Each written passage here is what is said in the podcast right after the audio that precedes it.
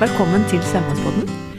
Og vi er så heldige å få lov til å ha del to av intervjuet med Jimmy Westerheim. Det er vanskelig å si Jimmy til deg, men det er jo liksom litt sånn Har ikke du bodd i Los Angeles? Jo, jeg har men jeg sier Jimmy Westerheim. Skal jeg liksom ta den, da? Kjør på. Ja. Eh, Og nå har jeg litt lyst til å få vite litt mer om prosjektet ditt, eller eh, stiftelser, er det organisasjon? Stiftelsen The Human Aspect, ja. The Human Aspect. Og samtidig podkasten som du driver, Hverdagssyken.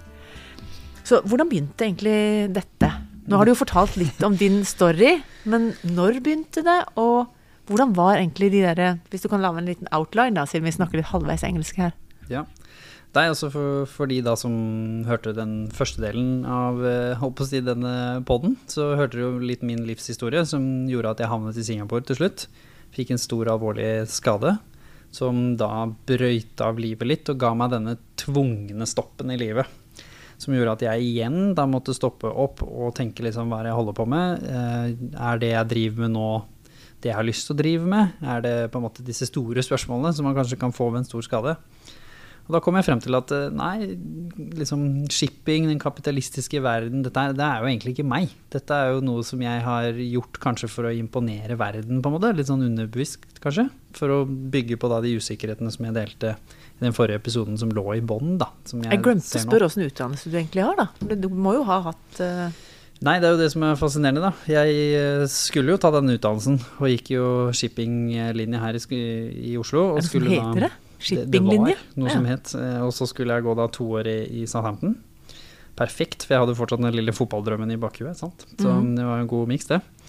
Men etter bare ett år på skolen så ble jeg jo headhunta av da Fredriksen sitt eh, shippingselskap, Golden Ocean, da, den gangen.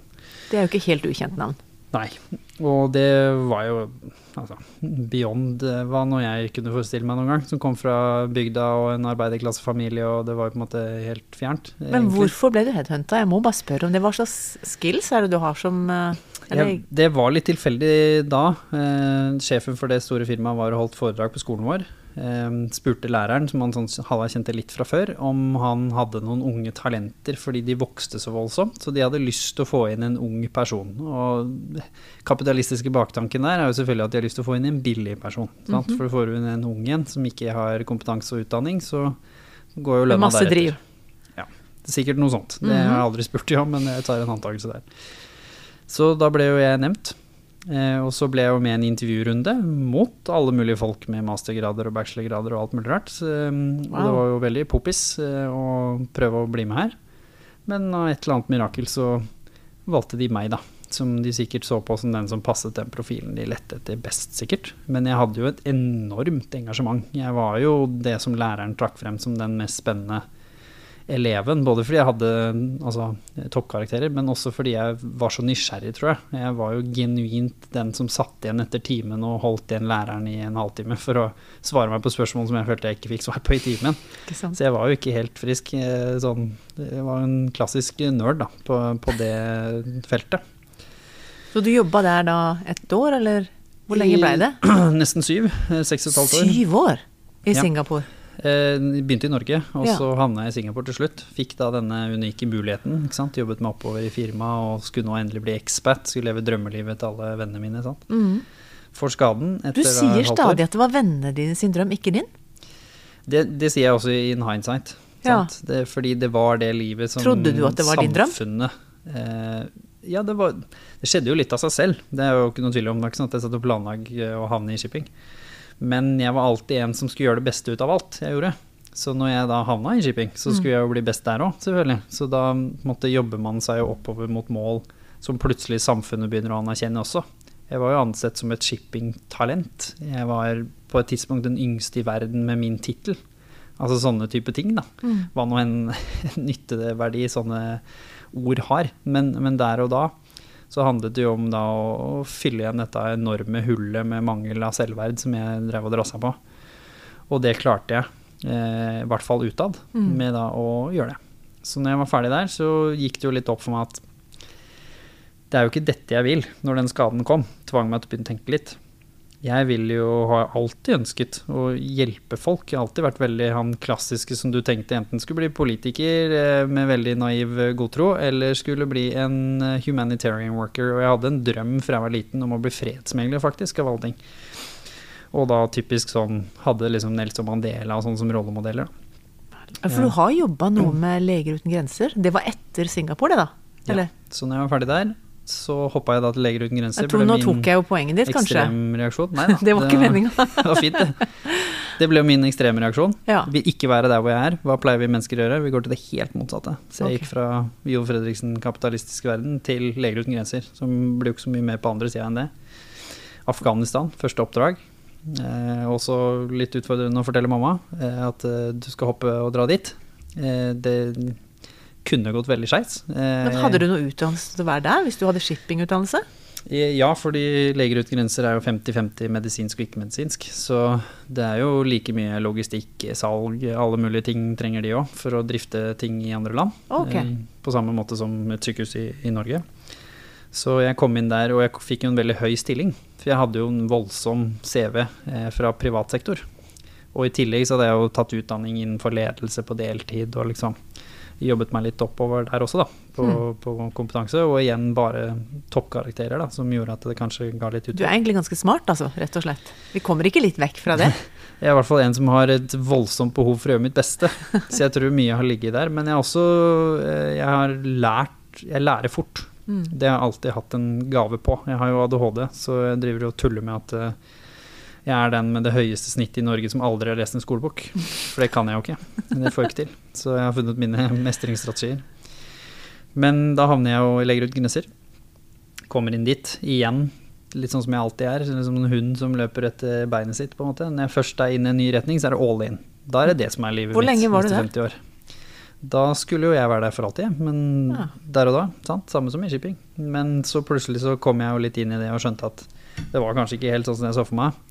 Igjen opplevde en veldig traumatisk hendelse i Afghanistan. Kunduz-bombingen av sykehuset der nede. Og komme hjem etter et år voldsomt tenkende rundt dette her med hvorfor snakker ikke vi om vanskelige ting? Hva er det for noe feil med oss mennesker? For det, det har liksom gått igjennom da så mange ganger i mitt eget liv, og alle andre rundt meg, at nå begynte det å irritere meg litt. At, Men hadde eh, ikke det dere et eller sånn profesjonell oppfølging når dere var ute for den tragedien der? Jo, Jeg tenker jo og både ja og nei. Vi ble oppfølgt, fikk profesjonelt team og alt dette her, eh, men det var fortsatt ingen som snakka om det. Vi endte opp med bare å grave oss ned i mer jobb. Noen i alkohol, noen i trening, noen i andre mestringsstrategier. Ikke dere som hadde opplevd dette med hverandre heller? Nei, snakka ikke sammen. Hvorfor skulle vi det? Det er jo svakt. Du er jo i en kultur hvor du blir målt etter hvor mange oppdrag har du. Hvor jævlig land har du jobba i, for å sette det litt på spissen. Samme som i shipping. Hvor mange land har du jobba i, hvem har du jobba for, hva har du fått til? Det er jo disse det er posisjoner mål- alle veier, nesten. Ja, og jeg vil si absolutt like ille i Leger uten grenser som i shipping. Bare på da du blir målt på andre ting. Og igjen så kom jeg jo fra da en verden hvor jeg endelig hadde kommet meg på et stadie hvor jeg begynte å ha litt respekt i form som bygde selvverd i meg. At jeg begynte å føle meg bra nok i shipping. Sant? I hvert fall faglig sett.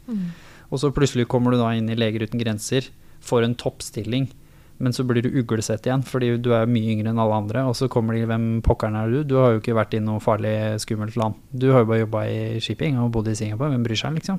Så du fikk, ble, fikk du liksom flashback til den mobbinga som var når du var liten? Ja, og igjen da et ekstremt behov for å bruke prestasjoner til å fylle mangel i selvverd. Sant? Men hva er det du skal bevise da? Du skal jo bevise at de tar feil. Sant? De sier jo 'hvem søren er du'? Ikke sant? Eh, Du må ha bodd i åtte krigsland for å kunne være flink i Leger og grenser. Og det blir jeg sånn, det er jo bullshit i mitt hue. ikke sant? For da blir jeg sånn, skal jeg vise deg at det trenger du ikke. Bring it Da blir jeg on, veldig motivert. Sånn har jeg alltid vært. Underdog-følelsen. Og etter alt dette her, tilbake til Norge.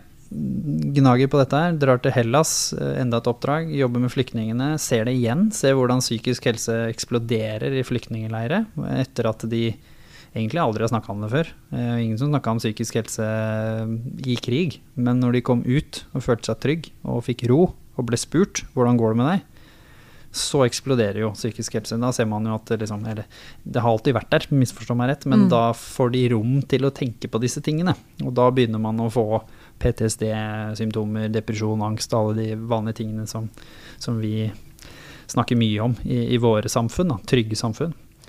Og så plutselig igjen kom jeg tilbake, og nå får jeg da to måneder fri, hvis vi skal kalle det det, før nytt oppdrag. ADHD, to måneder fri, er lik finne på noe. Ja. Sånn. Da skapes det mye. Da skapes det mye. Det blir da vakuum, skapte liksom, vi det humane bare... aspekt. Nei. i de to månedene. Det var da Hvilket årstall er vi nå? 2016. Ta med meg da kamera og bestemme meg for at nå skal jeg bygge et sted som er det jeg følte jeg mangla. Nå skal jeg bygge et sted hvor man kan komme og lære av mennesker som har kommet gjennom tøffe ting, men som har fått funnet hva nå enn svar for seg sjøl, in hindsight. Mm. Sånne ting som du og jeg sitter og deler nå, på en måte, sånn voldsomt etterpåklokke.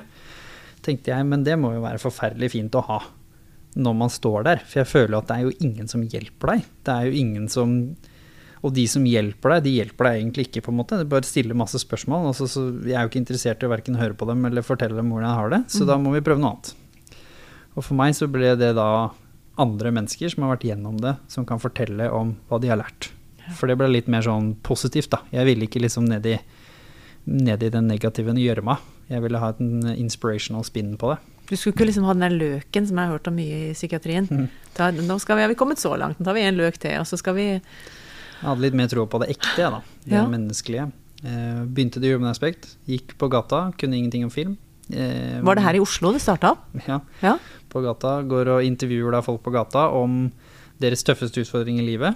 Men Kan du bare gjøre det midt på Karl Johan? Hei, kan du fortelle meg om det tøffeste? Gjorde du det? Gjorde det. Mikrofon og Og filma dem.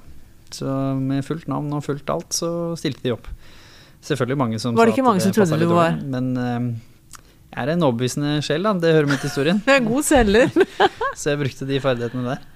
Oi. Og da endte opp med å få mm, da eh, rundt 20 historier på et par uker. Vi drev og surra rundt på gata sammen Men nå sier du vi. Hadde du med deg noen, da? Hadde med en kompis som filma, og jeg som spurte, da. Ok. Og så kommer vi tilbake med det, da. Da har vi jo da 20 intervjuer av mennesker som forteller da om sin tøffeste utfordring, hvordan de lærte seg å håndtere den eller leve med den, og hva de lærte. Mm. Sender dette til folk jeg kjenner, litt sånn journalister, litt psykologer, litt sånn forskjellige typer folk, og spør hva syns dere om det her? Dette har jeg lyst til å gjøre med det. Hva tenker dere? Fikk veldig mye sånn 'herregud, så dårlig dere er til å filme'. Det var greit. Det var sagt med glimt i øyet, holdt jeg på å si. Men den som satte seg mest, det var en som spurte om jeg tulla eh, når jeg hadde sendt et eh, intervju. Så hva mener du tulla? Jeg ble liksom fornærma, på en måte. Hva mener du? Eh, sa har du filma fetteren din, som du kjenner, men du later som at du ikke kjenner de? Eller er det genuint mennesker du stoppa på gata? Jeg bare, men det ser du vel at jeg stoppa de på gata, for vi filma jo litt den delen òg. Og sier han det her er helt, det her er helt utrolig. Det var, bare, det var en journalist Åh, som sa Han får helt sånne der frysninger i kroppen. og han sa videoen er ubrukelig, men han sa innholdet. Det er helt vanvittig at du klarer å få de til å åpne seg så fort om noe sånt. Det har jeg aldri sett før. Så han personen Klar, klarer du å se på det som en gave, eller skjønte du det da at du har et eller annet som Når han sa det, så skjønte jeg det. Ja. Eh, og jeg skjønte det nok litt før òg, for det var jo jeg som var han gærningen som gikk og stelte meg opp og faktisk begynte å spørre folk om det her. Så jeg har alltid visst at jeg har evnen til å få folk til å åpne seg. Mm. Nei, det, unnskyld at jeg bare sier det, men det merker jeg jo sjøl også. Du har jo blitt intervjua, så ja, du vet jo vi har jo holdt sitte her i to timer. Mm. Og det er, du føler deg sånn hjelpeløs å sitte der med kamera, men, men det er klart du er der, du er, og du er veldig til stede. Du snakker om at du har disse bokstavene, men, men det, du har i hvert fall ekstremt mye hjertevarme som skinner igjennom når du stiller spørsmål. Du er genuint, genuint interessert i dette, selv om du har gjort denne malen så mange ganger. Det er en ny historie hver gang. Så, det men det virker jo, ja, det blir jo noe helt annet, for det er jo ikke noe kopi av noen ting. På ingen måte. Men het det The Human Aspect helt fra begynnelsen av? Var det du fikk navnet, du fikk malen, du hadde en magefølelse på at dette var noe Det er det som er det litt sånn, nesten litt sånn dårlig gjort, creepy, alt ettersom i det hele. Uh, inspirational, meant to be, du kan kalle det hva du vil. Um, det navnet som sto øverst til venstre, altså det første navnet som ble skrevet ned på arket, det var The human aspect. Eh, og det samme med de tre spørsmålene, eller de tre delene. Som du vet nå, så er det jo en haug med spørsmål imellom. Men de har vært der fra starten. Det var da vært den tøffeste utfordringen? Hvordan har du håndtert det, og hva har du lært? Det visste jeg fra starten av, at det skulle være med. Så det fikk jeg fra universet fra et eller annet sted, gudene vet. Så det var der. Men veldig raskt så skjønte vi jo at dette er ikke et inspirasjonsprosjekt, dette er et terapeutisk prosjekt. Og her kom jo åpnet døren seg inn til psykisk helse. For frem til dette så var det jo ikke det jeg mente det som. Jeg mente det som genuin inspirasjon. Litt den typiske YouTube-videoen hvor du liksom føler deg litt bedre i fem minutter, og så går det over. Men så ble jeg litt sånn Det her kan jo faktisk Det funker jo. Altså, jeg så på de videoene selv. Han som intervjua, som egentlig ikke nødvendigvis er noen sånn emosjonell type, han også ble jo brydd. Og han var liksom sånn Dette her er jo helt fantastisk. Mm. Altså, det er kjempespennende. Og så da han journalistkompisen min som sa det samme. Og da begynte vi å utvikle det mye mer. Fikk vi med fagfolk, begynte å spørre om råd der. Og så begynte vi å utvikle intervjuteknikken. Og begynte å se hva trenger man for å lage et intervju hvor den som ser på, som da står i utfordringen fortsatt, som var jo hovedmålsetningen her, faktisk skal føle at de har lyst til å gjøre noe. Mm. For det var jo det jeg så på Litt som sånn det call to største action problemet. som i Og det så jo jeg på som problemet, Mm. når folk spurte meg liksom entreprenørspørsmålet, hva er problemet du skal fikse, ikke sant. Problemet for meg, det var stigma, og at folk ikke snakker om det, ikke sant. Og det følte jeg at disse intervjuene eh, var i stand til å gjøre noe med. At hvis du satt og følte det sånn, og så noen andre sette ord på det du følte, som du ikke turte å si til noen, og de fortalte deg at det nå går bedre, og ga noen tanker om hvordan de fikk det til å gå bedre, så ville det få deg til å ta første steget. Ikke mer, ikke mindre. Det er ikke noe magi i disse intervjuene som gjør deg magisk friks, eh, frisk, eller fikser problemene dine Mm. som ligger i bånn, men den får deg til å forstå nummer én, du er ikke aleine. Nummer to, du kan faktisk lykkes med å snu ting rundt, eller leve med det, eller håndtere det. Og ikke minst, det finnes andre mennesker der ute som har noen eh, erfaringer som ikke du har. Så når du sitter og tror at du har prøvd alt, altså en sånn klassisk floskel, så har du kanskje ikke det. Og det Hvordan du snakker om, om verktøy, på en måte. Det, det føler jeg har vært en sånn greie at plutselig Oi! Er det sånn? Og gjorde hodet sånn? Og det virka, liksom. Så er det akkurat som du plukker litt sånn Ja. Og det er jo Det vi har skapt med at det ble mange. Sant? I starten så var det litt sånn hvor du tenkte at liksom, ja, ett intervju på hver kategori, ikke sant? vi må Ja. jo begynne et sted. Men nå har vi så mange, nå har vi over 600 dybdeintervjuer som har blitt laget. eh, Siste, så lange som de vi hadde i stad. Det er selvfølgelig, De var litt kortere i starten, så det har blitt lengre og lenger. Men ja. Ja. Så nå i dag er det jo da verdens største eh, gratis eh, verktøy på psykisk helse. Som er brukt i alle land i hele verden, som, som er jo veldig artig. Hvor mange av de er på engelsk? For vi prøvde oss jo på engelsk i dag. Prøvde oss. Du, altså, du er steingod på engelsk, så det var jo ikke noe å prøve seg, i hvert fall. Men, eh, Men da det- når du jo ut til så mange mye lenger. Men du har jo en del på norsk òg. Jeg har jo sittet og hørt på en del av dem. 250 på norsk, eh, Ja. cirka, pluss minus. eh, Og de er da tekstet til engelsk. Alle Ok, sammen. Så alle kan på en måte Hovedspråket er engelsk. Ja. Det var jo litt min ambisjon. Og jeg kalte det human aspect sånn in the first place, og ikke noe norsk. Og det heter jo The Life Experience Library. Nå oversetter vi det til Livserfaringsbiblioteket, men det originale navnet er jo engelsk. Fordi jeg mente jo at jeg har alltid hatt store ambisjoner og sett verden som på en måte en, en plass man kan nå ut til. mm. Og fordi om du bor i et annet land altså Både du og meg har bodd utenlands ganske mange år, og det, du møter menneskene, så er det de samme grunngreiene som, Yes. som skjer. Om vi har forskjellig kultur og ser forskjellig ut, så er det jo Så kan du connecte veldig. Og det var jo også tanken. At jeg føler at veldig mange eksperter og fagpersoner overkompliserer en del ting ved å overanalysere det. Jeg har alltid hatt en litt sånn snodig hjerne som har sett mye mønster i ting. Og jeg så da ganske kjapt i disse intervjuene at hvis du fjerner konteksten og sitter igjen med Det er derfor jeg pusher veldig på intervjuene, som du har lagt merke til. Mm. Hvordan følte du deg? Hva tenkte du? Mm. Fordi hvis du tar bort hele konteksten av det som skjedde med deg når dere mistet Thomas, så sitter du igjen med mye av de samme følelsene som hadde vært akkurat det samme i Sør-Sudan som i Japan, som i USA, som i Brasil. Så da kan folk kjenne seg igjen, liksom. At ikke det blir Jeg trodde kanskje du gjorde det fordi at du skal få vekk For jeg kan jo snakke ganske sånn uten å grine og uten å si så mye. Bare sånn A, B, C, D, E, dette skjedde, bam, bam, og sånn var det. Og det var vanskelig. Det Mens du er jo litt sånn keep pushing, liksom, bare på å komme til For det blir jo ikke likt det som skjer rundt, men, men det som ligger i bånn, er det samme. Og Så det er det du jakter litt på i Ja, for hvis ikke så måtte jeg lagd åtte milliarder intervjuer, sant? Ja. Fordi alle sin historie er forskjellig. Men på denne måten her så kan vi sørge for at ditt intervju og din opplevelse vil kunne hjelpe veldig mye bredere enn akkurat den konteksten. Det vil kunne hjelpe med alle som kjenner seg igjen i hvordan din sorg utartet seg, Mm. emosjonelt. Og det er veldig mye lettere å connecte til enn akkurat den konteksten. For da blir man jo litt sånn Ja ja, men sønnen din var jo 27, min er jo 14. Ja. Da kan ikke jeg høre på din historie. ikke sant? Jo, det kan du. Fordi emosjonelt sett så er dette pluss-minus eh, mye av det samme.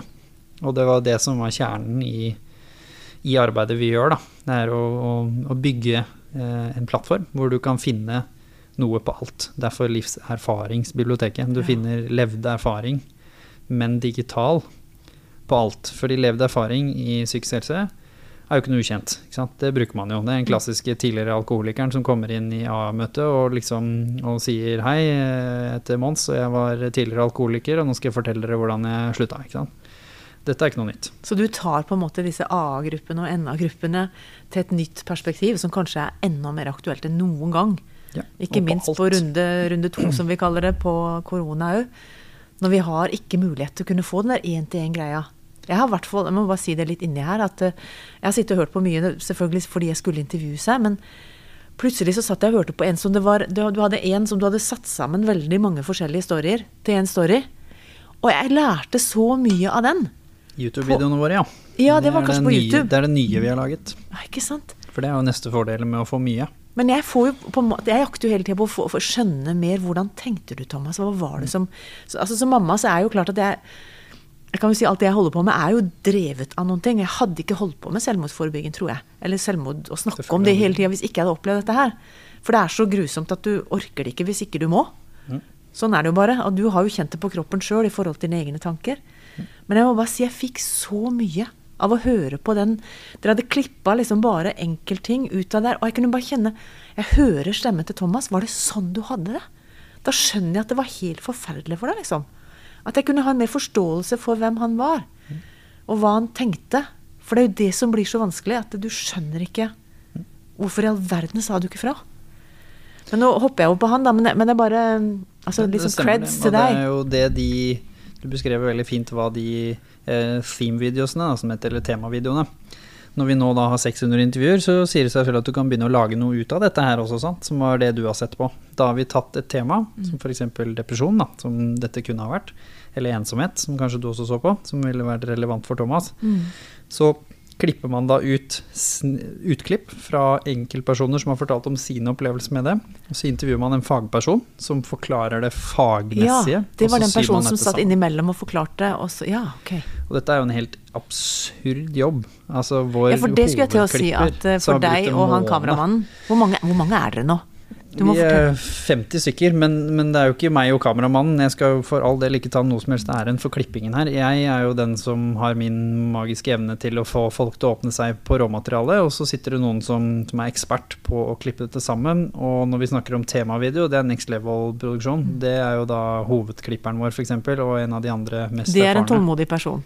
Som har som skal brukt over en måned på å klippe sammen det du har sett, som er et kvarter. Hvor du tenker 'oi, den var fin', tenker du, men Det det, så jeg for meg. tok tid. Når man har sittet litt med redigeringsprogrammet, så vet man. Og når du skal da plukke det ene utsagnet fra den timeslange filmen. Det er noen som har sett filmen, gjennom 50 timer med materiell her, og valgt det som til slutt blir 15 minutter. og så skal du ha det øyet for det, og så er det Ja, dette kunne vi snakka lenge om, men du har et godt team rundt deg, da.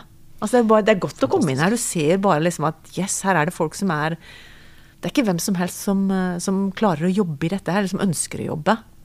For dere får jo ganske mange tøffe historier. Om dere sitter med teknikken eller sitter og redigerer, så får du det jo rett i fleisen. Ja, og det er jo det vi ønsker fordi vi tror på det. Sant? Og da klarer man å tåle det, litt sånn som du sa i stad, om deg selv. Sant? Du klarer å tåle det fordi du har en tanke om det, om hva det skal føre til. Samme her, og vi har jo én ting til felles i teamet, og det er jo at alle sammen på et eller annet vis mener at the human aspect er noe som trengs i verden. Altså intervjuene og alt annet vi holder på med. Og veldig mange da selvfølgelig knytter det opp mot en eller annen selvopplevd opplevelse. Når man har mistet noen, eller har stått i det selv, eller hva det skal være. Og ikke minst, vi har hatt en tanke som jeg har tatt med meg fra at jeg både har jobbet i shipping, Leger uten grenser og toppidrett.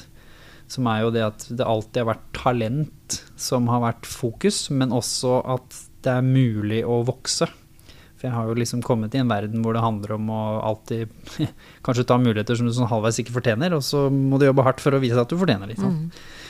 Så det er samme vi har gjort her. Vi har hatt veldig mange forskjellige mennesker med ekstremt forskjellige ferdigheter og veldig forskjellige personligheter og bakgrunner. Vi har et ekstremt variert eh, team. som da sammen er gode på noe og skaper det magiske som folk der ute ser. Så har det vært veldig mange mennesker involvert. Noen som er veldig gode til å sette lyssetting, ta bilder, filme. Meg som intervjuer. Så kommer klipperen, så kommer lydredigereren, så kommer bil... Altså, det tar ikke fem minutter å lage disse intervjuene på, Det- som vi holder på med nå. Og ikke minst få det ut. Vi har Mm. markedsføringsfolk som er steingode på sosiale medier. Og alt dette her har jo vært skapt på halvveis dugnadsånd. Sant? Vi har hele budsjettet for The Human Aspect i fjor, som liksom er vårt peak-år da, på, på grunn av korona, var jo fortsatt under to millioner, og vi hadde 50 stykker som jobba her, og 17 som var betalt. Ja. Da sier seg sjøl at ikke de nødvendigvis fikk eh, det de fortjente. Sant? Dette er folk som strekker seg langt for å få I en vanlig bedrift så regner du en million for å få kunne lønne én person i et år. Så det, da skulle dere ha to, og så har dere hatt 50. Ja. Men, men er det Altså, tenk, har, du, har du noe sånn langsiktig mål? Er det sånn så og så mange filmer skal vi ha før jeg sier meg fornøyd med dette prosjektet? Eller tenker du bare nå tar vi en dag av gangen? Eller har du Altså, hvor, hvor er vi hen? Hvor er du om Mange langsiktige mål i det Aspect. Ja. Eh, nå utvikler vi jo brukerhåndbøker bøker til eh, forskjellige yrker. Du sa du var sykepleier i bånn. Eh, vi utvikler bl.a. der for sykepleier, for lærere til livsmestring. altså da rett og slett brukerhåndbøker om hvordan skal du bruke dette verktøyet, disse digitale dybdeintervjuene, til din jobb. Sånn som sykepleier, hvis du jobber på f.eks. spiseforstyrrelsesavdelingen, så sier det seg jo selv at det er jo et fantastisk verktøy å ha med seg inn der. Til å kunne jobbe med de. Jeg sitter bare og gaper, jeg får ikke sagt noe. Jeg bare sitter og, det er bare så bra. Men har, har dere fagpersoner også da, som hjelper dere å si hvordan skal vi bruke dette på en fornuftig måte? Vi har både et eget fagteam, eh, og akkurat nå har vi elleve praktikanter også fra Høgskolen Kristiania. Og masse folk fra profesjonsstudiet som er eh, frivillige som Snakker vi om helse da, eller snakker vi om teknikk? psykologi. Psykologistudiet, ja. Som da Elleve jobber stykker. Ja, som eh, er her og jobber med disse brukerhåndbøkene i forskjellige team, og som er ledet av psykologene. Det visste jeg ikke. Går unna, skjønner du. Ja, det gjør det. Men det er jo litt sånn der, Jeg er jo så glad for alle de bokstavene, unnskyld at jeg sier det, altså, men det er jo, du får jo også gjort masse ting. Fordi du er en igangsetter, og hvis du har gode folk rundt deg, så er det de, de beste folka jeg kjenner. Altså, de har jo bokstaver opp og ned. Men det er jo det å bruke de tinga sjøl, de mørkeste tinga vi har opplevd, til noe positivt. Absolutt. Og det da å føle at man også har en ambisjon rundt ting, da. Det er jo det som også motiverer folk her. Én ting er å lage bibliotek og la det stå for seg selv, og håpe at noen finner det, på en måte. Men det er jo like dumt som å lage en selvhjelpstelefon som du ikke legger ut nummeret til, på en måte, og ikke sprer. Ja. Så derfor så jobber vi jo hele tiden inn mot nye arenaer til hvor det kan brukes, Ja. og hvor det kan nyttiggjøres, samtidig som vi hele tiden intervjuer nye personer, og publiserer jo eh, fem intervjuer i uka. Eh, tre nye og to som det er laget nye sosiale medieversjoner av. Fordi det er jo ingen intervjuer som blir gamle. Nei. Det er jo ikke sånn at vi legger ut din historie én gang, og så sier vi ja, ja, takk for hjelpa, det var hyggelig det, Anne, da ligger du der, på en måte. Vi pusher jo det opp igjen, Ja. fordi det er jo like relevant neste år som det er om ti år, eller som det var for ti år siden. Sant? Så Men, jeg lurer på et par ting sånn der, Nå begynner vi å gå mot uh, slutten av episoden igjen. Vi, jeg, jeg, jeg, jeg, jeg noen 20 minutter Nei, nå, men går på begge Det får ikke hjelpe. For jeg lurer litt på uh, hva er det dere trenger for noe? Altså hvis sånn en liten sånn uh, call to action for dere sjøl. Mm. Hva er det dere ønsker dere i forhold til sånn økonomi, dere, hvem dere kan samarbeide med? Det er det ene. Og så lurer jeg på, trenger dere flere som ønsker å bli intervjua? Vil dere at folk skal kontakte dere, eller vil dere komme og kontakte de? Det var kanskje de to tinga jeg lurer på nå. Så begynner vi med den siste, som er den letteste å svare på. Eh, vi vil, Alles historie er velkommen. På en måte Det eneste sånn halvveis kriteriet, det er jo selvfølgelig at du er på et sted hvor du er i stand til å prate om det, og hvor du føler at du har det bedre. For det er liksom som man må si til deg om at du må ha overkommet det, blir litt flåste. ikke sant? Du overkommer aldri å miste ditt eget barn til Du er ikke ferdig med det. Nei, Nei. du kan komme til et sted hvor du klarer å svare på alle delene. Mm. For du må kunne ha refleksjoner i del tre, og det har du ikke hvis du står Hvis jeg hadde intervjua deg uke tre, Mm. så hadde det vært dårlig med lure svar sant, Mm. i del tre. Så ja, eh, for all del, ta kontakt. Akkurat nå er vi jo covid-stuck, da. Så Ja. vi sitter jo her i Oslo, sant. Eh, Det er en grunnen til at du tok turen inn hit. Men vanligvis så prøver vi å være litt mer mobile og kunne flytte oss litt rundt både i Norge og i verden. Vi har jo intervjua i mange forskjellige land også. Eh, alt Men de finner dere på nettsida, sant? hvis de ønsker Ja. å ta kontakt? Finner Jimmy Westerheim, finner Human Aspect eh, overalt, eh, der hvor det finnes, og der er det alltid en mulighet til å ta kontakt. Og det gjør folk. Det er der de fleste intervjuene kommer fra nå. Folk som tar kontakt. Og så det første spørsmålet, hva vi trenger som organisasjon, det er jo selvfølgelig Nå trenger vi å få mer funding. Eh, om det er eh, bedriftsdonasjoner, om det er private donasjoner, eller om det er samarbeidsavtaler. Altså, vi er jo en stiftelse, så vi Mm. selger, jo, selger jo ikke nødvendigvis noe, men vi holder mye foredrag for bedrifter. Jeg har jo spesialisert meg litt på det. Ikke bare litt, men mye. Mm. For skoler, for bedrifter, og de betaler selvfølgelig for de foredragene, som da går inn i arbeidet til det vi holder på med. Og så søker man jo midler fra stiftelser og staten og alle de som alle andre organisasjoner der ute. Men når det er en stiftelse, så kan jo folk f.eks. også bursdagshilsen eller bursdagsønsker Facebook ønske fundraisers er Jeg har jo sett folk som har fått 200 000-300 000 på sånne ting. Fordi at hvis det er noe du brenner for, så, så det er jo en måte å gjøre det på. Via Facebook eller Splace eller hva, jeg vet ikke hva andre muligheter en har. Jeg. Absolutt. Vi, Men sånn, vi den trenger jo den grasrotandelen, går ikke det òg an å søke om i forhold til dere? Alt mulig rart som vi driver og søker på, den har vi ikke fått ennå. Du må ha vært eh, det, To år, er det det? Eller noe sånt? Noe sånt. Ja. Så vi jobber med saken. Men Men ja. dere trenger funding. Selvfølgelig, som Mm. alle andre. Og mm, som jeg sa, det, litt på budsjettet i stad, 50 stykker og 2 millioner, det henger ikke sammen. Så her er det mennesker som brenner for det, som trenger, og som har lyst til å jobbe her, og har lyst til å jobbe her mer, Mm. men som nå også må drive med andre ting for å klare å overleve. Som da man kunne ansatt på deltid eller fulltid hvis man hadde større funding. Da Ja. kunne vi fått til mer, selvfølgelig. Og så er det jo generelt det med at vi trenger alltid at folk engasjerer seg og deler ditt intervju. Hvis vennene dine ikke deler det når det kommer ut på sosiale medier, så når det heller ingen av de menneskene som kanskje trenger det. Mm. Så det er også noe man trenger. Engasjement, deling, forteller oss om muligheter hvor de sier å, bedriften min trenger et foredrag. Eh, det kan være det. Skolen vår trenger vi dette. Vi har nettopp mistet noen. Mm. Som er andre muligheter. Og selvfølgelig generelt at man engasjerer seg i tematikken. Vi brenner jo for tematikken, ikke nødvendigvis bare oss sjæl. Vi brenner jo, vi samarbeider jo med en hel haug med organisasjoner av en grunn. Og syns det er kjempespennende å være på din podcast. Ikke bare fordi man liker å skravle, det gjør jeg også, men også fordi jeg syns det er fantastisk at du tar opp tematikken. For det er jo den vi er her for å prøve å gjøre noe med. Vi må snakke mer om psykisk helse. Ja. Så det er jo det som jeg står opp om morgenen, da, hvis du skal kalle det det. Men du har en podkast, det må vi ikke glemme før vi Hverdagssyken. Ja. Eh, Og når startet du den? Desember 2018. Da satt vi sammen med en av de jeg intervjua, Marius Løken etter han, og tenkte litt sånn Det er ikke noe god podkast der ute om psykisk helse sånn i hverdagen. Det var fagpersoner som snakket om ting, og Mm. Det var folk som sto i det, som snakket om det samme temaet igjen og igjen. Og det er jo virkelig ikke noe galt i det, men vi ønsket da å lage en som handlet om liksom mange forskjellige temaer. Nytt tema hver uke, type stemning, men da litt mer i the human aspect on. Unikt åpen, menneskelig og autentisk, men også faglig. Det er jo liksom det vi har blitt litt kjent for nå, da. Men tok du en helt annen sånn eh, tilnærming til det, da? Eller brukte dere videoene og tok Eh, lyden Nei, og da brukte pod... vi kjørte vi podkasten Bare lyd. øh, fant noen som hadde studio, eh, og fikk låne det av de. De støttet oss gratis også. eh, livs, eh, altså Livslystsenteret, som, som, som de kalte seg da. Livslystmagasinet, som Rebekka Nøkling og de som sto bak der, støttet oss der. Fantastisk. Og vi gikk inn da og intervjuet blanding av fagpersoner og levd erfaring. For nå skulle vi ønske at vi skulle både ha fagpersonen og den med levd erfaring i samme episode. Og så skulle vi da stille disse spørsmålene, og målet var å lære. De samme spørsmålene ble stilt på podkasten, som dere bruker i, i Ikke de samme spørsmålene, men samme tanke Ah, ja. om at vi skal igjennom hvordan er det å stå i dette. Hva er det som skjer fag her? Ikke sant? Det var akkurat som å ha en fagkommentator på intervjuet. på en måte. mm. Litt sånn som i temavideoen. Og til slutt, hvordan skal du gjøre noe med det? Hvis du står i dette nå, hva kan du gjøre? Det var jo målet. Så dere stilte spørsmål. Du var programleder der òg, eller du er det? Ja. Nå avslører jeg at ikke jeg har fått det med meg, men jeg beklager, det har vært så mye annet. Så jeg har i hvert fall fått Vi hadde jo statsministeren her, vet du, forrige, forrige uke, så du sitter så i plassen Sitter jeg- til statsministeren. Sitter jeg i den stolen? Ja. Å, jeg er så heldig. Takk, Erna. Mm. Det kjennes Så godt. det er veldig mange som har stilt opp, da. Den har blitt eh, veldig populær, Mm. eh, podcasten. Og det er jo fantastisk. Det var et litt sånn sideprosjekt, egentlig. Men nå har, det jo, nå har vi jo et eget team på åtte som driver bare med den. Podcasten. Det er stadig yngre som hører podkast òg. Det er litt stilig. Fordi da kan man holde på med masse annet, og da, altså, da er det som regel kanskje rolig nok at du kan gjøre det mens du må rydde rommet, eller du skal Ja. Ja.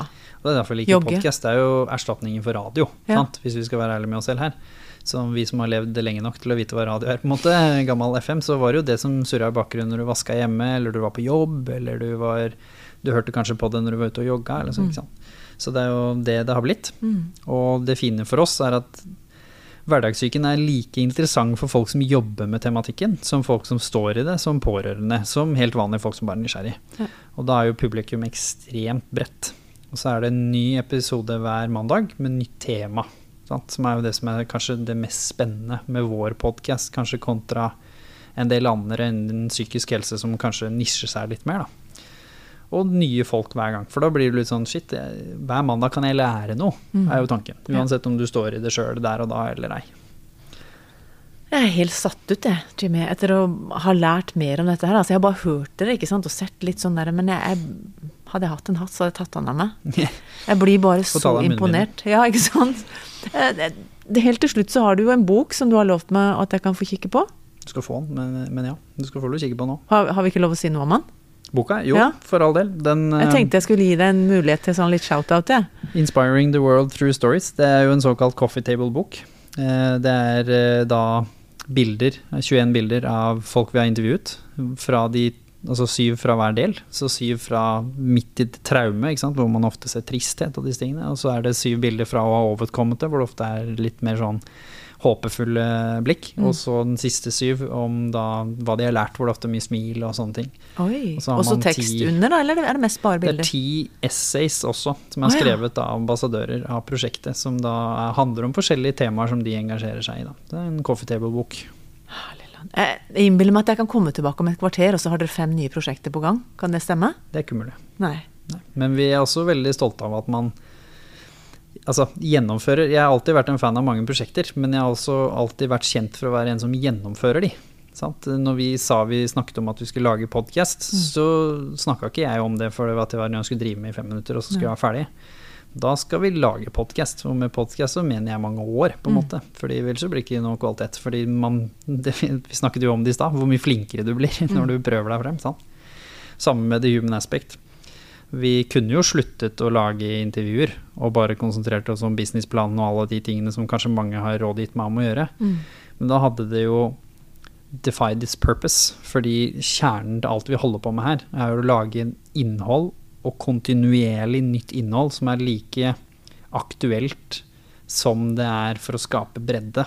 Det skal ikke finnes et tema som vi ikke har vært innom. Det er på en måte det store, overordnede målet. Og helst skal vi ha 50 intervjuer på det temaet for å sørge for at du har mangfold. Da. Så det er viktig for oss.